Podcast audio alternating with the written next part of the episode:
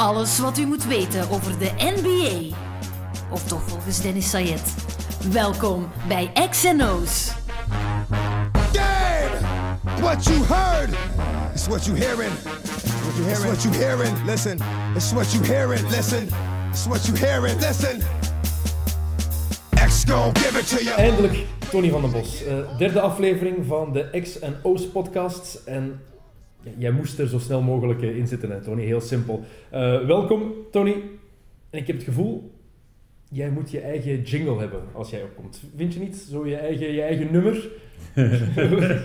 Doe eens een suggestie. Wat, eh, wat moet ik er nog in monteren als jij de gast bent in X en O's? Eh, welk nummer moet ik daarvoor Wel, ik, gebruiken? ik, ik ben eigenlijk zeer ontgoocheld dat je mij zo vroeg vraagt. Ik, ik dacht eigenlijk eh, eerder, eh, ja, gaan we naar het einde toe vragen wanneer het echt spannend begint te worden. Nu, Ook, hè, ook.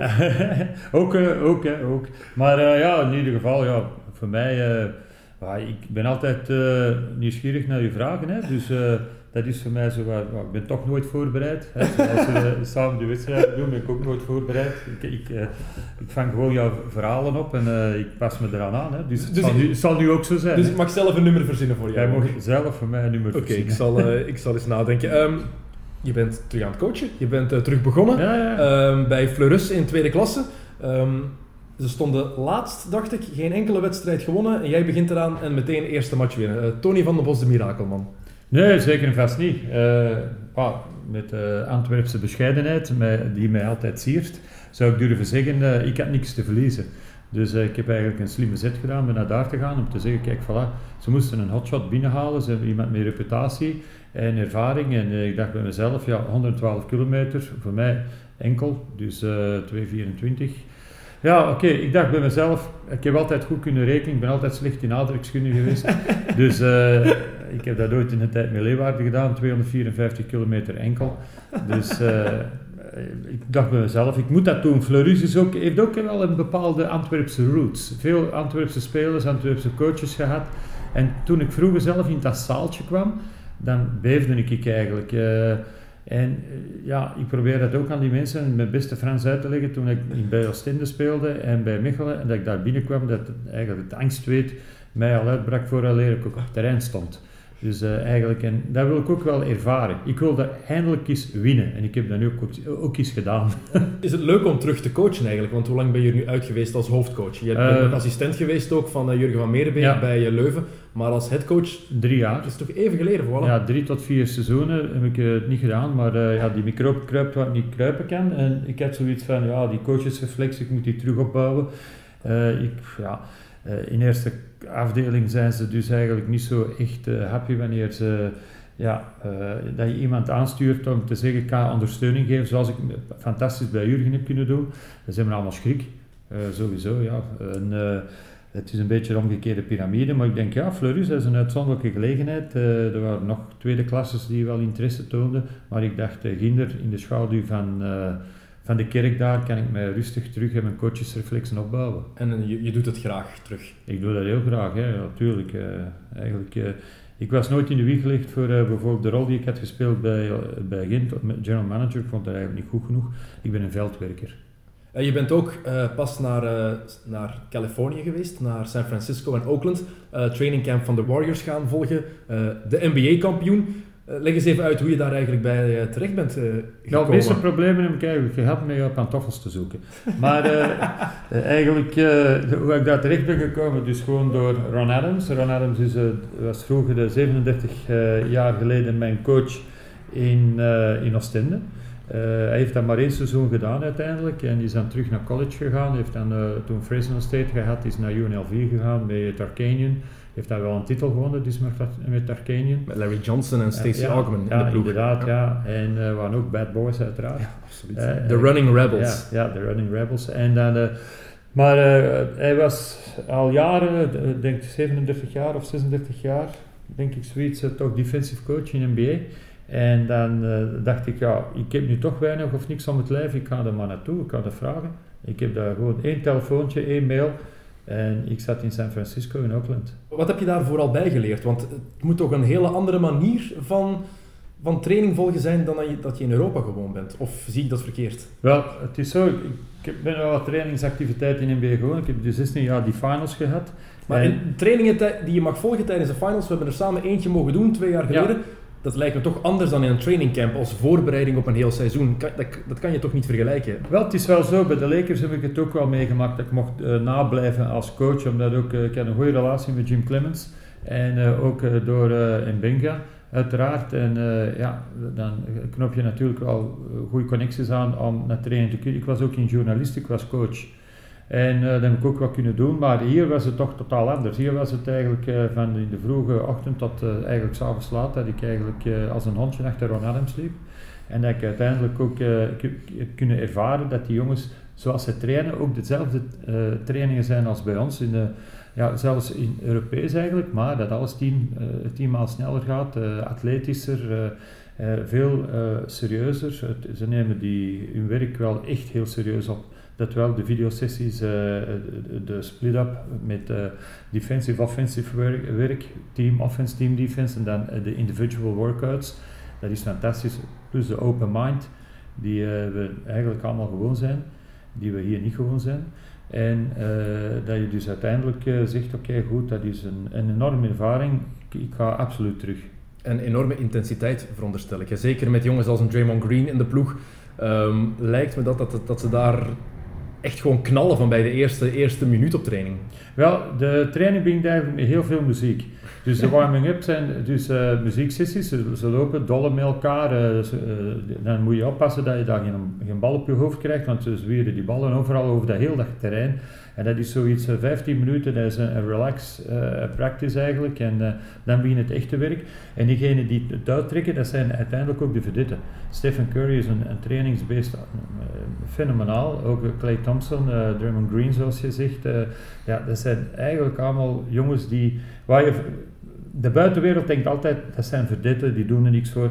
Maar om zo ver te geraken, hè, moet je met die intensiteit trainen. Maar het is meer dan die ploegtraining ook alleen. Hè. Het is, je hebt die trainingen die ze doen in groep, maar het werk dat ze individueel daar nog bij doen, ik denk dat wij niet goed kunnen inschatten hoeveel uren training daar nog in kruipt. Per, Ja, de- per dag. Ja, inderdaad. eh, geweldig veel repetitions, eh, veel herhaling, maar enorm veel herhalingen. Eh, goals die we- worden afgebakend, dus dat wil dus zeggen eigenlijk de targets die gezet worden. Als je zegt, Stephen Curry die stopt niet voor alleen die 67 op 100 heeft, dus dan begint hij weer opnieuw. Van achter de driepuntlijn. Driepuntlijn, hè? ja. Dus nog ietsje verder dan bij ons. En dan, ja, die coaches zijn ook fenomenale werkers, heel intens, daar krijg je geen slechte pas. Dat is, dat is met een smile eh, op hun mond eigenlijk, dat ze dat ook uitvoeren. Eh, dat zijn geen miljonairs, die, die, die coaches. Eh, dan, ze, ze, ze slapen met basketbal, ze eten met basketbal, ze, ze doen alles wat met basketbal te maken heeft. Er wordt alleen maar over basketbal gepraat ook. Op dit moment zijn de Warriors is het nog de enige ongeslagen ploeg in de NBA. Hè. Na afgelopen nacht, overwinning tegen Detroit. Acht matchen gespeeld, acht gewonnen. Dat had jij niet verwacht toen je daar zat. Nee, ik, veel beweringen En jij van- niet alleen. Nee, veel beweringen van mij zijn ook echt niet uitgekomen. ik denk dat ze ook in, inside eh, niet heel gerust waren in de situatie. Eh, Hoe komt dat? Is dat dan gewoon omdat Steve Kerr er niet bij is? Of is dat omdat er in Luke Walton dit- dat er niet echt vertrouwen was in de capaciteiten van Luke Walton als head coach? ja, niemand kan in die glazen bol van, van Steve Kerr kijken, maar hij had eh, in het voorbije seizoen had hij al eigenlijk een hoge dunk dus van eh, Luke Walton, dus eigenlijk als eh, assistant coach. En het feit dus uiteindelijk dat hij hem eigenlijk al had aangesteld na het vertrek van Alvin Gentry, was eigenlijk geen slechte move geweest vanuit zijn standpunt. Dus die andere assistant coaches, eh, die keken er een beetje, ja, laat ons zeggen, niet negatief tegenop, maar toch wel heel voorzichtig met te zeggen, ja, het is nog een groentje, hoe gaat het lopen? Wat ik wel moet zeggen, hij heeft heel veel ondersteuning gekregen in die trainingssessie dat ik ook heb gezien. Eh, hij heeft eh, ook daadwerkelijk de leiding genomen. En wat heel belangrijk is, de geloofwaardigheid komt ook boven. Eh Luke was een, niet de beste speler, was wel een verstandige speler. Heel slimme jongen. Ja, Niet moeilijk, ook zijn vader ook, Bill Walton, was Oh, een van, is ja. een van de 50 beste spelers aller tijden Ja. in de NBA. Heel verstandige speler ook altijd geweest. Ja, die, dat, dat gaat wel door natuurlijk. Het wordt heeft doorgegeven in de genen. Goede coaches simpel. gehad, eh, zeker met Phil Jackson. Hè. Dus uiteindelijk. Eh, en eh, ik denk dat, ja, dat we daar een beetje op vergalpeerd zijn geweest. Want waar we geen rekening mee houden, eh, zo goed of slecht dat je mag zijn als coach, als je dat talent op, de, op, op het terrein hebt staan. Dus uh, die Splash Brothers en dan Draymond Green. En, die, mecha die, mechanismen zijn er nog altijd. Die, die zijn er, hè? En vooral, ja. iedereen, iedereen praat constant over die, over die aanval eigenlijk van Golden State. Ja. Maar ze zijn kampioen geworden dankzij hun verdediging. En die verdediging die staat er nog altijd. Die defense die Ron Adams op het punt heeft gezet, die er ja. onder Mark Jackson al eerst was, moeten we ook eerlijk toegeven. Ja. Mark Jackson heeft die defense, dat, die tactiek mee, mee opgestart eigenlijk. Ron Adams heeft die gewoon nog beter gemaakt. En dat is de reden volgens mij waarom ze zo op dreef blijven. Die defensieve mechanismen die bl- blijven er en ze hebben zoveel vertrouwen. Dat, dat straalt er gewoon af. Ja. Eigenlijk heeft Ron Adams het fijn getuned, hè? dus eigenlijk eh, moet je het zo zeggen. Hè? Want je merkt dat ook aan de- hoe, hoe dat ze aandachtig luisteren, hoe dat, de snelheid van uitvoering, want ze zitten daar natuurlijk ook met die, die, die, eh, defensive 3 seconds, die 2.9 eh, rule. Dus eigenlijk, het, het moet heel snel gaan, ze mogen daar niet te lang in die bucket blijven. Bij ons kan het een extreme help side zijn. Ik heb met Ron daar heel veel discussies over gehad. Dus dat wij wel in bepaalde rotaties kunnen. Die drills zijn enorm, enorm intensief, die in- en outs. Dus eh, die close-outs, eh, ja, maar het- is... En dan moet je al die energie die je in je, ver- in je verdediging steekt, en dat, dat, daar is mijn bewondering natuurlijk voor, hè, dat je dan aanvallend ook nog zoveel energie, dat je ook nog een hoog tempo kunt spelen. Want de meesten eh, zeggen altijd, ja, je moet rusten in aanval en je moet al je energie in je verdediging steken. Want rusten doe je in aanval, niet in verdediging. Maar als je dat ziet... die- Ze rusten tempo- gewoon niet, hè? Ze rusten gewoon niet. Ze zijn dus const- eh, constant conditioneel zijn ze ook wel zelf mee hun bezig, maar hun recup is ook wel heel belangrijk. Hè? Ik vond het ook opvallend wat Stephen Curry zei na die match tegen de Clippers. We gaan even luisteren. We're better than we were last year. That's uh, that's the In what ways? Uh, I think we're just more composed. We, we get off to better starts uh, than we did last year. Our defense is obviously, you know, championship level. So uh, I think we're just a mature, composed basketball team. And no matter what all the noise is around between us and them and anybody else in the league, it's really about what happens on the floor, and that's what we're focused on.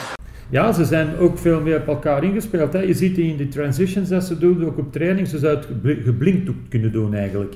Dus Ze- ze, ze gaan eigenlijk gewoon voor 70 overwinningen. Ja. Vorig, vorig seizoen hebben ze er 67 gewonnen. Ja, ja, tuurlijk. Dat is natuurlijk, en vooral, eh, dat is het Westen, hè, jongens. Eh, dus eh, 67 in Toosten, dan, eh, dan, ben je twee keer wereldkampioen in dezelfde maand. Hè, maar Kan dat denk je? Want de enige ploeg die ooit meer dan 70 matchen heeft gewonnen, dat zijn de Bulls in 1995-96. 72 overwinningen, 10 nederlagen.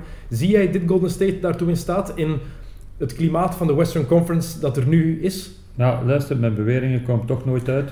Ik zou durven zeggen ja, en het zal weer nee zijn. Dus eh, dat, zeg, dat, dat is altijd zo. Maar als ze 67 hebben neergezet en ze zeggen dat ze wel beter zijn als vorig jaar. Eh, nu, omdat het automatisme er veel meer zijn en ze kunnen die, eh, het gehalte van de kampioenen eh, level ophouden, ja, aanhouden wil ik zeggen, dan, ja, dan zit dat er natuurlijk in. Hè. Wat zijn uiteindelijk toch maar drie wedstrijden hè, meer dat je moet winnen. Hè. Ehm, wat ik, het opvallendste cijfer, dan gaan we over iets anders praten dan over de Warriors. Ehm opvallendste cijfer van het begin van het seizoen vond ik, tegen de Denver Nuggets hadden ze in de eerste helft 28 assists. 28 assists in één helft. Dat Nee, is ja. een waanzinnig cijfer. Dat is belachelijk gewoon eigenlijk. Positief belachelijk. Ja, positief belachelijk in die zin van, eh, ja, dan moet je toch maar eens gaan rekenen hoeveel scores zijn er ook nog zoveel uit. Hè? Dus eh, wat je uiteindelijk een assist, eh daar wordt, wordt meestal gerekend als je eruit scoort. Laat dan zeggen dat ze daar dan 56 punten uit scoren. Het is, de eerste helft. ja, het is gewoon... Ja. Het zijn er meer, want ze hebben die, die drie punters dat die erbij komen. Eh, tegen Denver hadden ze er denk ik ja, bijna 80 denk ik in de eerste helft. Ik weet Ja. niet hoeveel punten het er eh, precies waren. Reactie van Draymond Green daarop was trouwens briljant. Filmpje kan je checken op onze Facebookpagina. Eh, de link van de starters is dat. Je hebt ook het fenomeen Stephen Curry natuurlijk bezig gezien.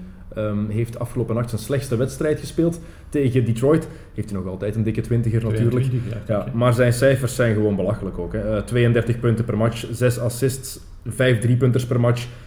Hij heeft 259 punten gescoord in 270 minuten. Ja, hij heeft eh, negatief, het positief is ook zijn eh, 2,4 steals, maar hij heeft wel 2,9 balverlies. Maar als je zoveel minuten speelt, dan ligt dat risico ook veel hoger. Hè? Hoe was dat om hem bezig te zien? Want je hebt eh, een paar filmpjes ook laten zien van, van Curry die individueel aan het eh, trainen is, die aan zijn shot werkt.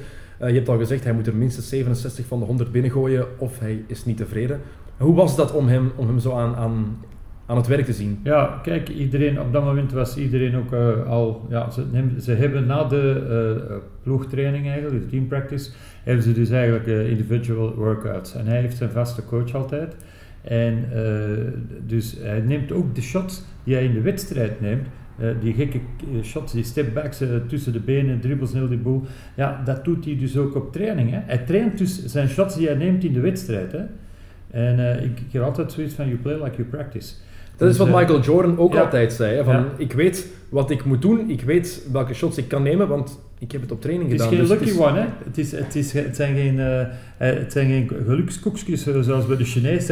Nee, die vindt, die weet perfect waar dat hij staat als die bal vertrekt. Hè? Dus, uh, en zelfs waar het hem komt, dat hij mist. afgelopen nacht hebben ze gewonnen van Detroit. Detroit dat het ook wel goed blijft doen. En ook daar loopt een jongen rond.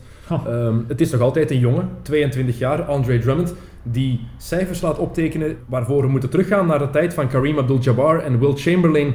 Eerste zeven matchen, 136 punten en 137 rebounds. Het is een freak of nature ook, is een hele sterke gast, is een ongelofelijke atleet. Heeft niet de beste touch inside, maar is een jongen die het altijd op wil doet. Hè. Hij, hij wil die bal hebben, hij gaat naar elke bal. Drie matchen al met 20 punten en 20 rebounds. En had hier, wat was het vorige week, 25 punten en 29 rebounds? 25, 29 stond hij. Ja. 29 rebounds. Ik denk dat niet veel mensen beseffen hoeveel dat is. Ja, ergste van is, uh, ja, hij verliest dan ook, ook nog een wedstrijd. Hè. Ik dacht tegen de Pacers als ze verloren hadden toen. Hè, als je dan fenomenale score neerzet, hij werkt dan ook uh, aan van 68% op zijn field goals. Dus, uh, maar ik heb juist gezegd, hè, het is altijd interessant als je weet waar de bal vertrekt, waar hij neerkomt. Hij, hij, blijkt dus heel goed te weten waar die bal neerkomt. Hè. Dus bij een gemist shot. Hè. Want uiteindelijk neemt hij fenomenaal ook veel aanvallende rebounds. Hè. En daar scoort hij ook vaak uit, hè, uit die aanvallende rebounds. Ja, inderdaad. Ja. Dus ik zou, allez, ja, ik, ik, moet het zeggen, uh, eh, 27 rebounds tegen Portland, 29 tegen de Pacers. dat zijn, dat is, zoals jij zegt, 28 assists, dat is iets fenomenaal, maar 29 rebounds, dat is ja ik heb ooit Trix Amai de 25 weten nemen. Dus, uh, en dat was toen uh, in uh, La Belle Époque. Dus daar, dat was op de stenen vloer met de 12 sloeven, dat was dan al een wereldprestatie. Hè? Maar dit is toch fenomenaal wat die jongen doet. Hè? Hij heeft al drie matchen dus gehad met van Gundy weer, 20 en 20, ja, en de rest van de NBA heeft er één. En wat je zegt is inderdaad weer Van Gundy, want Van Gundy heeft uh, ervaring met, met grote jongens uh, werken. Heeft een check gehad bij Miami, uh, was dat, voor Pat Riley overpakte. En daarna heeft hij heel goed werk geleverd met Dwight Howard. Heeft Howard verder, zich verder laten ontwikkelen dan die goede aanval met die ene man inside Klopt, Howard en die vier daar rond. Weet je nog, Rashard Lewis daar rond, Hiro Turkoglu, um, Jameer Nelson was daar toen ook bij. Toen hebben ze de finals gehaald in 2009, verloren tegen de Lakers. En dat probeert hij nu ook een beetje te doen bij Detroit. Met Drummond als die big guy in de middle. Ilyasova hebben ze nu als vier daar rond. Die jongen met een, met een driepunt shot. Marcus Morris, Reggie Jackson, uh, Caldwell Pope het is een beetje die tactiek die hij weer probeert, probeert aan te halen eigenlijk. die hij toen uh, kende van bij Orlando, waar hij succes mee heeft gehad. Ja, inderdaad. En ik blijf nog altijd bij dat hij, wanneer hij bij de Heat had gebleven, dat ze ook even goed die titel hadden gehaald. Dus uh, toen ook weer uh, Riley overnam van hem. Ja, nee, 2006. 2006, hè? dus eigenlijk bij de Heat. Hè.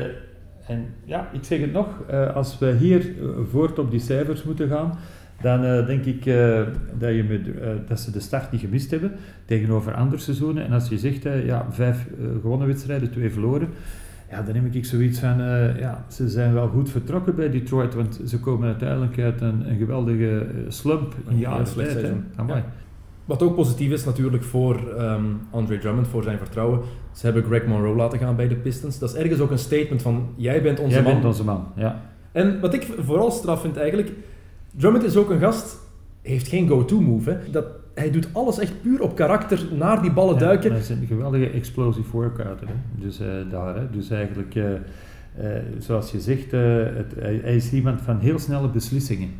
Dus op een terrein. Hij gaat geen, geen highlights hebben van door de benen te gaan en dit en heel die boel en een sidestep te doen, een Europe step of wat ook. nee, die vindt gewoon het kot. wie zichzelf nog aan het zoeken was in het begin van het seizoen, zo leek het tenminste, uh, was Paul George van uh, de Indiana Pacers. De laatste drie, vier matchen lijkt hij weer helemaal zichzelf. Hè. Uh, ik ben onder de indruk van hoe hij weer zonder angst aan het spelen is. Zegt ook van ja, het lijkt wel alsof ik een jaar heb gehad om aan mezelf te werken. Hij heeft ook effectief een jaar gehad om aan zichzelf te werken na die vreselijke beenbreuk. Want dat beeld, ik heb het één keer gezien hmm. en ik krijg het nog altijd niet uit mijn hoofd als, als ik eraan denk. Het is vreselijk om te zien. Maar ook hij, die cijfers, begon tegen Miami met 36 punten, 13 rebounds, 3 steals en een blok. Dan tegen LeBron James en de Cavs nog eens 32 punten en 11 rebounds. En dan afgelopen nacht tegen Orlando had hij 27 punten, 19 ervan in het eerste kwart. Denk je dat hij helemaal terug is, helemaal terug zichzelf is? Wel, dat zou hopen. Hè. In ieder geval, je hebt ook nog uh, van op zijn positie dat hij nu speelt 6 assists tegen Cleveland. Dat is ook nog iets uh, dat, je, dat je moet meegeven. Want op de, uiteindelijk speelde jij op de forward, zoals hij zelf zegt. Uh, ik heb, ben een all-star forward. Hè, maar door het feit... Een small forward. Ja, small forward eigenlijk. Hè. Dus het feit dat, die eigenlijk, ja, dat ze West en Hubert hebben, hebben laten vertrekken. met te zeggen, zoals jij de, juist aangaat met Drummond. Jij bent nu de man, wij, wij gaan een team rond jou bouwen. En uh, dan zijn ze tot de constatatie gekomen dat hij misschien wel met de small ball misschien wel de power forward zou uh, passen. Een voorstel van Larry Bird ja, ook. een voorstel van Larry Bird. En uh, waar Frank Vogel volledig is op ingegaan, waar eigenlijk Paul George het niet zo helemaal zag zitten in de aanvangsfase. Was niet blij, hè? Nee, was echt niet blij. En ja, het, hij heeft dat dan toch ge, ge, geprobeerd in, de, in dat second team en dat is dan toch wel meegevallen, ook in de voorbereiding. Uh, met die zes wedstrijden dat hij daar heeft gespeeld uh, in de voorbereiding op die positie. En uh, ja, als gezegd, ja, zijn voorganger Scottie Pippen heeft ooit ook gedaan bij, bij Chicago. Hè. Dus op de power forward gespeeld. Hè. Die kan ook overal spelen. Ja, ik ben, dus, moet wel zeggen, ik ben heel blij om George terug te zien. Ja, om terug op, op niveau te zien. In zo'n type spelen, dat, dat, dat, dat, wordt soms wel eens onderschat. Hè. Dus omdat hij zo in zo'n, laat ons zeggen, in een, in een generatie terechtgekomen is die echt wel uitblinkt. Hè. En, uh, zeker op die small forward positie. Ja, je hebt daar LeBron ja. James, je hebt daar Kawhi oh. Leonard nu, je hebt daar Kevin Durant. Ja. Um, maar dat zijn ook allemaal jongens die power forward kunnen spelen. Hè? Ja. Dus dat zijn en dat ook doen. Hè? Ja. Dus, uh, maar ik zeg het nog, uh, als hij met die grote jongens, met, met Allen en met Mahimi, dat die, dat die zeggen, oké, okay, jij neemt de rebound, zal ik wel het aanvallend werk doen. Ik denk uh, dat, dat, we een heel goede Paul George en een heel goede Pacers gaan zien dit jaar. Ik geloofde niet in Indiana. Ik dacht dat ze de playoffs niet gingen halen uh, voor dit seizoen. Um, ik heb er nog altijd een beetje mijn twijfels bij als je die ploeg ook ziet. Monte Ellis ben ik nooit echt fan van geweest. Um, in een ploeg, atmosfeer tenminste in een ploeg, in een geheel. Um, nu, George die is zelf wel heel duidelijk. toen ze hem vroegen over die match tegen Cleveland, want het ging natuurlijk uh, Paul ja. George tegen LeBron James. Twee jongens die, die respect voor elkaar hebben. Um, tegen elkaar gespeeld toen ja. LeBron bij Miami zat. Um, en George bij Indiana natuurlijk. Die, die conference finals twee jaar op een rij. En George was heel duidelijk. Wij kunnen deze ploeg goed aan. We hebben er geen schrik van. Het draait allemaal om wie het laatst lacht als we in de finals staan. Of als we in de conference finals tegen Cleveland staan. Ik zie Indiana als ze de playoffs halen. Oké, okay, het kan. Het is het oosten. Dat is allemaal mogelijk. Maar de conference finals of de finals, daar is die ploeg niet diep genoeg voor, denk ik. Wel, ik denk uh, dat de grote concurrenten, uh, dat dat bijvoorbeeld, uh, als dat Washington bijvoorbeeld ook nog wel eens naar, die achtste, zevende plaats kan Want nu staat dus Indiana op die achtste plaats. Het is nog heel vroeg in het, seizoen natuurlijk. Maar, We hebben nog geen tien matchen gespeeld natuurlijk. Maar ik denk dat Washington momenteel dus eigenlijk met die, met, met wisselend succes eigenlijk, dat ze toch een inhaalrace kunnen winnen tegen, uh, tegen de Pacers. Hè. Ja, ik had minder van Detroit verwacht. Dus Detroit die momenteel op een vierde stik staat, dus eigenlijk uh, daar in Toosten. Maar een snelle start kan even goed een snelle ja, ondergang betekenen. Dat, dat, is een feit, ja. Dus uh, eens dat ze dus daar gelanceerd zijn. Dus ja, voor de rest denk ik dat we... Ja, Indiana is een basketgekke staat, hè. Dus het staat en valt allemaal een beetje dus met prestaties, maar ja, ze kunnen misschien nog wel wat bijhalen, hè. Wie weet, uh, Larry Bird die, uh, heeft altijd wel iets uh, ja. achter de hand. Toronto, die, daar zijn ze begonnen aan hun beste start in de clubgeschiedenis. Vooral die verdediging is zoveel beter geworden. Um, ehm, 95 punten per match maar tegen. Een top 5 defense in de NBA voorlopig. Dat kan niet alleen door DeMarie Carroll zijn. Of denk je dat één aanwinst, één toevoeging... DeMarie Carroll heeft toch wel ja, veel invloed hè, erop. Hè. Dus dat in ieder geval, ze zullen maar pas weten, het team waar het hij vertrokken is. Dus uh, wat ze aan defensief kunnen, uh, zullen missen. Hè. Dus, maar ik zeg het nog, Toronto, het is altijd een buitenbeentje geweest. Ze staan dus weer eerst in de Atlantic, staan nummer drie in het oosten eigenlijk. Uh, ja, de Atlantic die, die gaan ze weer winnen. Het is de zwakste. Oh, met, de, met, de, vingers in de neus. Uh, of New York zou dat toch een enorme effort moeten gaan doen. dus, wishful thinking. Wishful thinking, ja. Dus de Big Apple gaan we nooit zien. Hè. En dan ja, denk ik Toronto toch altijd dat buitenbeentje. Zeg ik, het, is een Canada, het is een Canadees team. Hè. Het We the North. Ja, het is altijd zo wat. Hè. Maar ze, na vorig seizoen denk ik dat het respect voor Toronto geweldig gestegen is. Dat wel. Dus niemand had eigenlijk Toronto eigenlijk aan, aan, de, aan de top verwacht. Dus, uh, en nu, ja, je zegt zelf, uh, het was een offensive-minded team en ze hebben geweldig op die defense gewerkt. En 95 punten in NBA is niet veel. Hè? Nee, en uh, zelfs. Kyle Lowry, die strooit met complimenten voor de, voor de coachingstaff.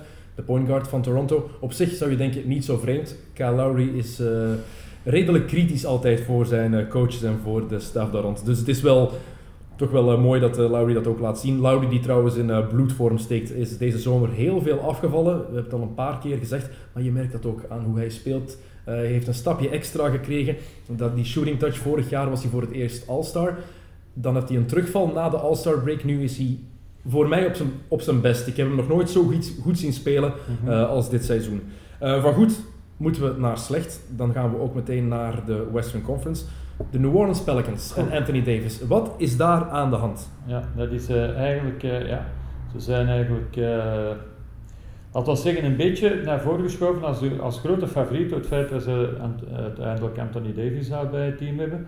Maar het, het, zijn ook de jongens die rond hem zitten, die falen. Hè? En door de nieuwe coach, want Elvin Gentry binnengehaald. Ja, maar ze hebben Elvin Gentry binnengehaald ja, ja, als headcoach, assistentcoach van Golden State vorig ja. seizoen, offensief meesterbrein. En aanvallend zit het ook niet zo slecht daar op zich. Hè? punten gemiddeld. Dat is, is oké, okay. top, een top 10 aanval. Ja, top 10 aanval, inderdaad. Ze staan ook tiende. Dus uh, in die reeks, uh, maar het is, uh, basketbal is 50% aanval, 50 verdediging. En die defense. Die defense is, staan op de 30ste plaats. Met 114 punten krijgen ze tegen. Huilen met de pet op. 114 per match, hè? Ja, ja, en zelf scoren, ze scoren dus wel veel mooie percentages liggen niet goed, want ze scoren, er zijn heel veel spelers waar ze meer van verwachten die onder de 40% scoren.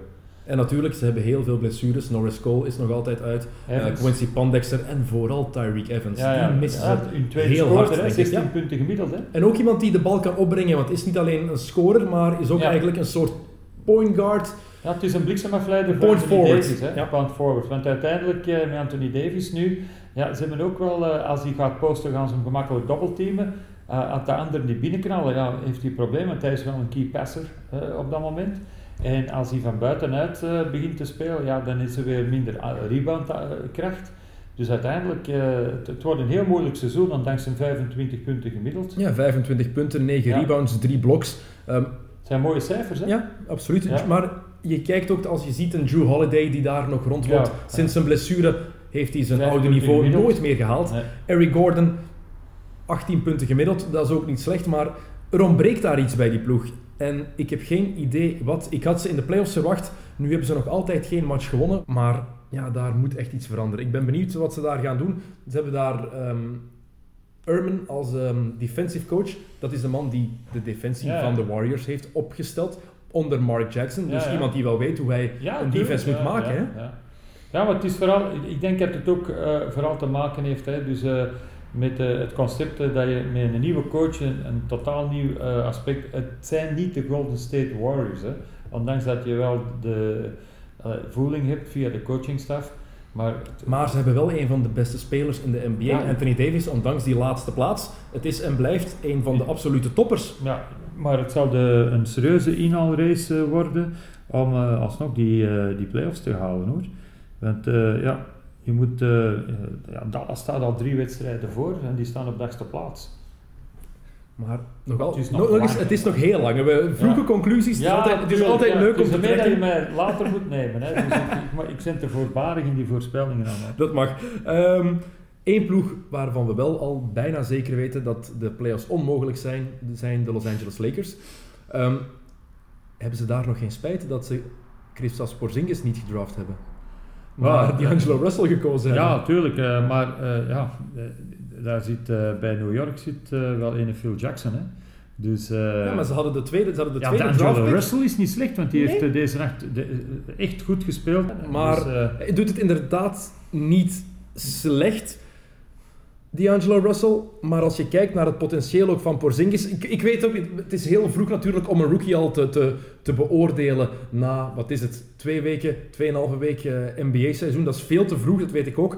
Maar Byron Scott heeft letterlijk gezegd na de match ehm, in New York, die de Knicks trouwens gewonnen hebben tegen de Lakers, waarschijnlijk de laatste van Kobe in Madison Square Garden, ook een eh, historisch moment eigenlijk, na 20 jaar. Maar toch, ze vroegen hem van ja, Christas Porzingis, waarom hebben jullie die eigenlijk niet gedraft? Zijn antwoord was dan was aan de, de krantenjournalisten van ja, we dachten dat hij nog heel veel tijd nodig ging hebben om zich te ontwikkelen. Dat het zo snel zou gaan, hadden wij niet verwacht, hadden we niet durven denken. En ook Kobe alleen maar lovende woorden over Porzingis ermee gaan praten.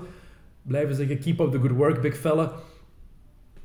En ze hebben gelijk gewoon. Ik had ook niet gedacht dat hij zo snel zo goed zou zijn. Hij maakt nog fouten, rookie mistakes, dat is logisch, hoort erbij. Maar wat Derek Fisher wel goed doet, of goed moet doen van Phil Jackson, hij krijgt zijn minuten. Hè. Hij Mag starten, minuten. 25 minuten per match minstens. Zo moet het ook. Ja, inderdaad. En, eh, ik heb eh, stukken van gezien, beelden van gezien, was tegen eh, Milwaukee. Ja, Eerste overwinning meteen. Ja, de, en dan denk je, wow, die vindt die heeft een geweldig potentieel. Ja, hij had dat ook al met het nationaal team, dus dat hij naar voren kwam. En ze, ja, Sevilla eh, heeft hij ook gespeeld in Spanje, dus eh, daar zat hij ook al eigenlijk heel goed. Eh, Barcelona wil hem ook al inlijven, dus, maar ja, hij verkoos dan voor die draft te nemen. Maar de NBA is nog altijd een ander beestje als de Liga in Dessen. Ja, ja, ja. Maar het is wel, de Liga is natuurlijk altijd wel een heel goed opleidingscentrum voor de NBA. Want Feit. als, het, het, het feit dat ze hem daaruit halen, is hij toch al eh, halfweg om te zeggen, kijk, ik mag hier de bank al opwarmen en dat zit. En 2,21 meter met dat potentieel, dus eh, windbaar zoals die is. eh, een knal- een knaller achter de driepuntlijn, eh, kan inside gaan, kan, die windbaarheid van hem is enorm. die, die putbacks ook, daar heeft hij nu Ja, al een patent ja, op. Hè. ja, Drie of vier highlight plays dat hij een aanvallende rebound pakt en die bal er gewoon doortrekt. Onder andere die ehm, over Lamarcus Aldridge tegen? San Antonio. Geen schrik, hè? Totaal niet. Nee, nee. En eh, het boegeroep dat hij eerst kreeg is omgezet in, eh, ja, dat altijd in New Het is York. New York, hè. vooral. Ja. Het is New York. Eh, dat is nu naar bewondering toe, dus eigenlijk... En die mentaliteit past ook bij de Knicks, want hij toont heel veel vuur na die putbacks. Die schreeuwen van hem altijd. Ik, ik, ben, ik ben fan van, van Christos Porzingis. En dan is de vraag natuurlijk die iedereen zich stelt. Is het een nieuwe Dirk Nowitzki? Is het een nieuwe Pau Gasol? Het gaat in ieder geval eh, ziet goed op weg om de rookie van het jaar te worden. Dat wel. Na zes matchen is het... eh, Ja, Is het zo? Is vrij vroeg, ja. Onderschat Jalil Okafor en Carl Anthony Towns. Nee, die nee, twee die ook Okafor, eh, Okafor is ook goed bezig, hè? Ja, allebei vast, ja. mooie dingen laten zien. Maar Porzingis, dacht we pikken er eentje uit voorlopig, een rookie. Ik denk dat ik binnenkort nog wel een speciale rookie podcast ga maken. Maar 12 punten gemiddeld, net geen 9 rebounds, 1 blok, 1 steal, 40% voor zijn field goals. En zoals je zegt, het is Towns een bij man, Timberwolves. ja, het is een man van 2,21 meter met een Ja, driepuntshot. Ja, ja, zeker en vast, ja. 2,21. Ja, het is eigenlijk een heel goede lichting, hè? Dus, eh, met, wat de rookies betreft. Hè? Dus gaan er heel veel rebuilding teams gaan heel veel profijt halen uit het feit dat ze dus een rookie in het team hebben. Want eigenlijk, als je naar die top 10 en zelfs naar die top 12 ziet, hè, zit er toch heel wat potentieel bij. Ze tonen goede dingen, wat je zegt. Ja. Je hebt Porzingis, je hebt Carl Anthony Towns, Jalil Okafor. D'Angelo Russell is met pieken en dalen, dat is logisch. goed, maar Eman- krijgt heel goede kritiek. Emmanuel Moutier bij de Denver Nuggets Inderdaad, vind ja. ik heel leuk om naar te kijken en wordt een hele goede point guard eh, in mijn ogen. Heeft ook meteen laten zien aan Byron Scott van ah, jullie willen mij niet, je vond me geen echte point guard. Ja. En heeft de Lakers daar echt doen afzien, toch wel eh, in LA. Ehm, je hebt Stanley Johnson bij Detroit, die zoveel potentieel heeft. Ja, het is een, eh, een goede lichting, Ja. ben ik het mee eens. Een paar quick notes, Tony. Ehm, ik wil gewoon je mening hierover weten. Eerst even Kevin Durant. Je weet het, hij wordt free agent na dit seizoen. Ehm, dus dan kan hij kiezen unrestricted. Dus dan heeft hij echt de keuze naar waar hij wil gaan. Ehm, vorig seizoen in Washington was er wel heel veel om te doen, want hij komt van Washington, dat is zijn ploeg. Daar is hij mee opgegroeid en de fans die kwamen aan in shirts van de Wizards met nummer 35 en Durant daarop. Ehm, omdat ze hem wilden binnenhalen om hem te paaien. Nu, Durant die heeft daar een mening over en hij vindt dat heel onrespectvol van de supporters ten opzichte van de ploeg, omdat ze gewoon blij moeten zijn en met de ploeg die ze hebben en die moeten steunen in plaats van al te denken aan, aan wat er de komende jaren kan gebeuren. Wat vind jij van die mening van Durant? Wauw, ik denk dat het eh, een, een, duidelijke NBA-taal is. eh, eh, dat wil dus zeggen, eh, ze worden ook wel zo gestuurd hè, de NBA. Ik voel dat ook aan toen ik er was, eh, dat ze eh, all, all nice guys. Dus ze zullen niks verkeerd zeggen dus naar, de, naar de media toe. Maar Durant trekt zich daar meestal weinig van aan, hè, van de media. Ja, hij is vaak ja, ja, heel ik- Maar het is qua opvoed, opvoed- opvoeding, denk ik, eh, dat die eh, eh, daaruit... Je, je- ziet ook, mam en dad is er ook altijd een heleboel. Dus ik zou zeggen, laat ons eh, zeggen dat hij eigenlijk wel een punt heeft. Dat, eh, dat hij dat onrespectvol vindt eh, naar, naar het team toe. Dat is een feit. Dus eh, ja, all brothers, hè. Ehm, de Celtics fans die zijn tegenwoordig heel hard supporter ook van de Brooklyn Nets. Weet je waarom? Nee, De Nets hebben nog geen enkele match gewonnen. ja, dat klopt. zijn nog slechter dan de Lakers en de Knicks. Veel slechter Ja, dan de. Knicks. Enkel de Sixers zijn eh, nog slechter, denk ik. Ehm, de Celtics hebben de draftpick van Brooklyn na dit seizoen. Oh, dat is, zitten maar... Weet je nog die trade met Pierce en Garnett? Ja, ja, ja, ja. Daarom, en ze hebben die niet beschermd. Dus normaal kan je zo in beschermen top 5 protection. Ja, klopt, ja. Nee, Nee. hebben ze niet gedaan. Gewoon die pick gegeven. Oh nee, alsjeblieft. En trouwens, de eigenaar van, eh, de, van eh, de Nets, eh, Prokhorov, die zit ook met een probleem. Hij heeft vijf jaar geleden beloofd, de Nets gaan binnen vijf jaar de titel halen. En als dat niet zo is, ga ik trouwen. Oei, En hij, da- daar zou hij Heeft zichzelf mee straffen, want hij, na dit seizoen... heeft hij nog jaar? Ja, maar ze gaan de titel echt niet winnen dit jaar. Hij weet nog wa- waarschijnlijk nog niet meer wie hij gaat trouwen. Met hoeveel hij, Ja. hij gaat trouwen. Eh, goed, dan. ehm, James Harden is terug zichzelf. Ik denk dat, die, dat het, geda- dat het eh, gedaan is met eh Khloe Kardashian, want die vloek die is eh, voorbij. Heb je zijn reactie gezien na zijn eh, tweede veertiger, die eh, vraag? Nee, eigenlijk niet. Nee, dat wil ik wel eens eh, Even snel. even horen. Ja, het is wel zo dat hij uiteindelijk eh, eh, eh, ja, z- 7 punten- 37 punten, dan weer 40 punten. Hè. Dus eerst tegen Sacramento, dan tegen de Clippers. En het is- na de Clippers zeker hè, dat hij Ja. die uitspraak Kijk, deed. Hè. het, is geen, het is eigenlijk geen uitspraak. Hij, Hij ze- verwijst naar Ze iets. vragen hem iets, je kan het ook zien op onze Facebookpagina, hoe hij reageert. Maar ze vragen hem, het is eh, van de, de bloopers van de starters, en ze vragen hem, ja, je bent weer helemaal terug. En dan kijkt hij gewoon op een manier naar de interviewer. But you got your rhythm going now. dat, spijtig dat je dat beeld niet kunt tonen eigenlijk. Ja, het staat op onze Facebookpagina. Ah, is fanta- fantastisch eigenlijk. de link, eh, de bloopers van de starters. Kijk die, die fases zeker, want het is eh, briljant. Gewoon daar zit ook die reactie bij trouwens van Draymond Green op die 28 assists. Eh, gewoon even die blik van James Harden, hoe hij wegkijkt van ja, ik ben terug jongen. Absoluut. Ja, ook eh, zowel in rebounds als assists, eh, dat wel. Hè. Dat is een vent die eigenlijk, eh, ja, waar ze heel hun leven bij eh ja, OKC eigenlijk eh, spijt gaan van hebben. Hoe dan ook. Daar Ja, ben hoe ik dan ook, ook. van En stel je maar eens voor dat eh, volgend seizoen dat die, eh, dat, eh, ja, Ik ben blij dat ik het eens niet moet zeggen. Normaal begin ik over die trade altijd. En ik heb Ja, al vaak ja, gehoord van ja, mensen dat ik ja, moet ja. stoppen met daarover Ja, te Kevin zagen. Durant dat eigenlijk, eh, dat, dat die eigenlijk ook nog weggaat en zo. Dus eh, Ik denk dat die blijft hoor. Zeker nu met Russell Westbrook, die, die twee, die combinatie. jij ziet New York niet zitten voor hem. Ik zie het niet gebeuren gewoon. Ik denk dat Jackson is achter de schermen hard aan het werken. Ja, dat geloof ik, maar Ja. ik denk dat Westbrook en Durant, die combo, ik zie ze niet uit elkaar gaan. Maar nog eens, alles kan gebeuren, alles kan veranderen. Hè. Wie had ooit gedacht dat LeBron Cleveland ging verlaten voor Miami en andersom, dat hij Ja. Miami na vier jaar al terug ging verlaten voor Cleveland. Ehm, ja, het Heb je daar nog iets over te zeggen over LeBron? Want we hebben al over zoveel mensen gesproken, dus... eh, heeft, eh, is de jongste speler geworden deze week om 25.000 punten te scoren. James. LeBron James, natuurlijk na high school meteen in de NBA, dus was 18 jaar voor, eh, toen hij al in de NBA speelde, maar toch is 30 jaar, heeft al 25.000 punten. Dat is, eh, dat is maf, hè. toont nog eens aan dat hij gewoon een van de 10 beste Ik ben jou spelers op het ondervragen nu. Maar af, en- af en toe mag dat. Maar het is toch straf, het is, Ik luister ook graag naar jou. 25.000 punten, 30 jaar. Hallo. Dus eh, ja, dat zou ik nog niet... eh, moest ik nu 65 zijn, zou ik het nog niet hebben. Maar Dus, eh, het toont nog eens aan wat voor een fenomeen hij is. Ja, ja. Ze hebben dat het over fenomeen, ja. De geweldige Stephen Curry gaat over Andre Drummond dit seizoen voorlopig. LeBron, het is een van de tien beste spelers aller tijden. Ja, absoluut. Ja. Zeker en vast moet je echt... het is niet overdreven dat die de beste speler op de planeet wordt genoemd, waar jij absoluut niet bij akkoord bent. Ja, in, deze, wel. in deze generatie Absoluut wel. wel. Hij is de beste speler op dit moment die rondloopt. Waarom Ja. zou ik het daar niet mee eens zijn? Hij is de beste speler van de wereld. Ja, maar, omdat eh, hij, het is niet de meest spectaculaire speler, het is wel de beste speler. ja, spectaculair. Hangt er vanaf hoe je het ziet ook natuurlijk. Hè. Ja. Als je die dunks Die, van one, ziet... die one hand, Ja, die one hand zeggen. pass over heel het terrein daar, eh, van eh, corner to corner.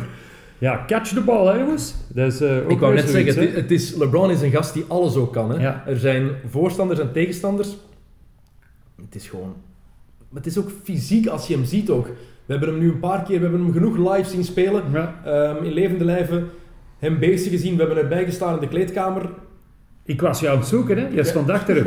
ik was helemaal Ik kon niet, hè. Ik kon gewoon niet. Ik zeg, waar is die nu met die camera naartoe? Maar je bedoelt ook die paas tegen Indiana. Ja. Ehm, hoe hij die verstuurt. the court. Ja. Hij, hij vangt die Oh. bal met één hand, Met één zijn- hand en die stuurt hij onmiddellijk dus door. Naar de Dus, baseline. ja. Met zijn linker dan nog, hè, met zijn zwakke hand. Hij, dus hij weet al op voorhand, daar staat mijn ploegmaat, Richard Jefferson in dit geval. Dat intellect, dat IQ, dat is iets wat LeBron voor mij nog uitzonderlijker maakt. Heeft een ontzettend hoog basketbal-IQ. Read and react, hè. Ja. Dus uiteindelijk, eh, als je ziet, eh, die, hij ziet dat heel die eh, verdediging gefocust is op hem. En hij zegt, als ik nu naar de dichtstbijzijnde speler ga passen, en zelfs twee passen weg, dan gebeurt het niet. Maar je ziet ook heel duidelijk eh, op het, dat, eh, dat het screen daar wordt gezet. Dus eh, hij, hij leest dat dus gewoon, hè. En dan komt die enorme one-hand pass, hè. Dus ja, die baseballpass eigenlijk, hè. Dat, is, dat maakt hem voor mij echt nog unieker. Het is Ja. een van de slimste spelers die er ooit heeft rondgelopen op een basketbalveld. Eh, met die 25.000 punten die hij nu gescoord heeft, heeft hij trouwens het record van Kobe Bryant afgepakt. Dat was de vorige jongste speler. Kobe, die heel streng voor zichzelf was, daar heb ik het vorige week met Thomas Mhm. Atai ook over gehad. En ergens wel te snappen, want het lukt voorlopig niet. Hij heeft dit seizoen voorlopig 99 punten gescoord, maar heeft er wel 97 shots voor nodig gehad. Dus hij heeft maar twee punten meer dan shots die hij gepakt heeft. Dat is niet goed, hè. Dus eh, ik hoop dat, die, eh, dat zijn wens voor werkelijkheid wordt gehouden. Dat hij nog in 2016 dus eh, richting Rio kan gaan. Dat hij drie keer na elkaar goud kan halen. Het is toch jammer om zo'n grootheid als Kobe ook op zo'n manier te zien eindigen. Ja, dat vind ik Dat- ook eigenlijk. Ja, ja. Voorlopig Ja, lijkt het Ja, ja. Het Maar, eh, jaar te veel, hè? ja, maar ja, het is a bridge too far. Maar je weet waarom, hè. Er hangt nog een serieuze bonus boven zijn hoofd. Hè. Zelfs dat hij stopt, hè. Maar wat moet wel enkele wedstrijden spelen nog. Die, nu heeft hij die 25 miljoen al binnen. Ja. Ehm, maar ik vraag me soms wel af, als Dr. Buzz, de vader van Jim Buzz nu, als die nog geleefd had, of Kobe nog zou spelen. Ik denk dat er dan andere Een dingen geregeld waren. Ja, ik denk echt worden, dat de, Absoluut, Zijn ja. toekomst- daar ben ik ook van overtuigd. zijn toekomst binnen de club, die zou misschien anders geweest zijn. zijn? Ja, ik ik Ja. weet niet hoe het nu zit, want Ja. sinds Dr. Buzz is overleden, is die front office, dat Ja. bestuur, helemaal veranderd. Die sfeer is daar anders in L.A. Ik vind het jammer voor Kobe om zo te zien... eh, Maar het feit dat je zegt dat hij ook al met eh, Porzingis heeft gepraat en zo verder, een hele boel, ja, dat leidt toch aan dat hij eigenlijk wel meer naar een eh, management toe gaat dan eigenlijk nog als speler zal blijven. Hè. Alhoewel, hij kan gewoon op zijn lauweren gaan rusten ook. Hè. Ik hoop dat Kobe gaat coachen. Ik denk dat het een fantastische coach zou zijn. Dat zou wel kunnen, ja. Je ziet het nu ook al. Hij, heeft, hij pakt soms over. Heeft dat de vorige jaren ook gedaan. Ja. Denk ook, niet dat nog zo iemand met een hoog basketbal IQ. Ja, ja, tuurlijk. Maar ik denk niet dat hij over shotselectie en shotdiscipline gaat praten. Ik denk dat hij dat misschien- 97 hij zou, het niet, 95. hij zou het niet mogen doen. Nee, maar nee, ik denk nee. wel dat hij het zou doen als coach. Eh, goed, we zijn al even bezig. Dus eh, tijd voor waarmee we altijd eh, eindigen in de XNO's podcast. De place van de week. Waar heb jij voor gekozen? Oh jong, ongelooflijk. Hè? Ja, dat, dat is heel simpel. Hè? De shirt die ik aan heb, daar komen ook die plays van. Hè? Dus ik vind het, het, het Stephen Curry moment, een, splash moment uiteindelijk, dat hij op een gegeven moment eh, daar tegen Detroit, eh, eh, hij krijgt de bal in zijn handen, de stormt naar voren en er zijn vier verdedigers voor hem, die hem opwachten in de paint, in de bucket. En hij stopt aan die driepuntlijn rechtsboven en hij knalt hier gewoon binnen. Dan heb ik zoiets van, dan, kijk, dan zie je die vier gasten van Detroit naar elkaar kijken en te zeggen, ja, wat nu? Dus de vijfde die kwam dan nog aangeslifferd. Dus eh, ja, en twee seconden later eh, doet dan Clay Thompson vanuit de hoek, links eh, vanuit de hoek juist hetzelfde. Hè? Dus dat, dat is dat splashmoment dat je dan weer hebt. Hè? En dat is voor mij een hoogtepunt. Hè? Dus keep it simple. En terecht. Ik heb er een paar. Ik kon niet kiezen. Het is mijn podcast, dus ik mag, ik mag, doen, wat ik, ik mag doen wat ik wil. Ehm, die pas van LeBron, waar jij het over Ja. hebt gehad, dat is er eentje daarvan. Die hebben we deze week ook al op onze Facebookpagina gezet. Twee andere, die gaan we even bekijken. Dat begint met de man waar we het daar net over gehad hebben, met Christophe Porzingis. Die putback over LaMarcus Aldridge. Ik, Oh, schitterend hè? ik was die Dat match heb ik nog niet gezien. Ik was die match aan het zien, hier, s'nachts, en ja, je verwacht, je verwacht ook niet dat hij daar ineens over zal gaan. En dan die, die oerkreet die daar nog bij volgt. Ja, Dan eh, de tweede play, die ik had, en dat is eigenlijk mijn absolute nummer 1. Ik heb vorige week voor een blok gekozen. Het blokshot van Kawhi Leonard was dat op Kevin Durant. Ik kies opnieuw voor een blok. Defensive players. Ja, defensive eh, minded Hey. eh, aan te, te werk, joh. Festus op Blake Griffin. Hoeveel, hoeveel keer hebben we die pick-and-roll al gezien? Dat Griffin uiteindelijk Ja, ja, ja. over iemand springt en hier... Ja, dat, dat, dat, dat is weer de workout. Hè. Ik heb die vent bezig gezien in de, in de weightroom, explosive workouts. Dat is ongelooflijk, hè. Hij zei achteraf ook eh, tegen de krantenjournalisten: Ik heb Blake Griffin al zoveel over iemand zien, zien dunken. Ik ben zo blij dat ik die bal had, dat het niet over Dat mij wel was. zijn. Ja, ja, ja. Maar hij, het is een fenomenaal blok. Het is eh, waanzinnig gewoon. Paar dingen die ik jou nog mo- moest laten zien. Twee geweldige plays om af te sluiten. Eerst DJ Augustine. De loopfout van het jaar. Je had hem nog niet gezien, zei je. Nee. Wel, let op. Oh nee! 1, 2, 3, 4, 5. Zes, zes stappen heeft hij gezet. 1, 2, 3, 4, 5, 6. Ja, ja, ja. ja. Je hoort het fluitje van de scheidsrechters. Weet je wat ze fluiten? Goaltending. Dus ze fluiten geen loopfout. Hoe kan je dat nu niet zien? Zes stappen. Zes. Eh, het is heel mooi. En dit, zeg. voor een coach ga jij eh, dit heel leuk vinden. Coach eh, Mike Boerenholzer Hm. van de Atlanta Hawks, die aan het coachen is. En let dan op die spelers die staan rond hem. Het staat trouwens in het meme-team dat wij deze week ook hebben gepost. Iedereen gaat weg. En coach Bud die blijft gewoon doorgaan. Ook al heeft hij, kijk, nie- niemand is er nog. blijft coachen. Schitterend, hè? Is dat, is, is dat gewoon omdat je zo in de zone bent als Gefocust, coach? ja, je bent gefocust op dat moment. Hè. Je dus eigenlijk... eh, ja, in de phone zitten die spelers neer, hè? die zitten normaal. Hè? Dus dan Het is een je- 20 second dus, timeout, Ja, dit. ja, Dan 20 staan ze second recht. Ja, was, dat was dus eigenlijk... eh, ja, Topbeeld toch? het is ongelooflijk eigenlijk. Hè? Allee, hoe kom je daarbij? Eh, Dat is misschien afgesproken. Daar vrees ik Ik voor. denk dat het Wings Ronde voorbij was, ja, dat hij dat niet heeft gerealiseerd. Eh, check het meme-team eh, als u die beelden nog niet gezien Meme heeft team. van de starters. Dat staat, die link staat op onze Facebook-pagina. Net zoals de bloopers van de starters 2. Ja, goede filmpjes waar je veel eh, leuke fragmenten meteen bij elkaar ziet. eh, die mensen die eh, posten dat. En dan eh, deel ik dat ook met u, zodat u het kan volgen. De topplays die komen er ook op de komende dagen op onze Facebookpagina. Dus blijf dat zeker in de gaten houden. Goed, Tony, wanneer is je volgende match met Fleurus? Eh, zaterdag eh, op Gent. Op Gent. Ja, Meteen tweede overwinning.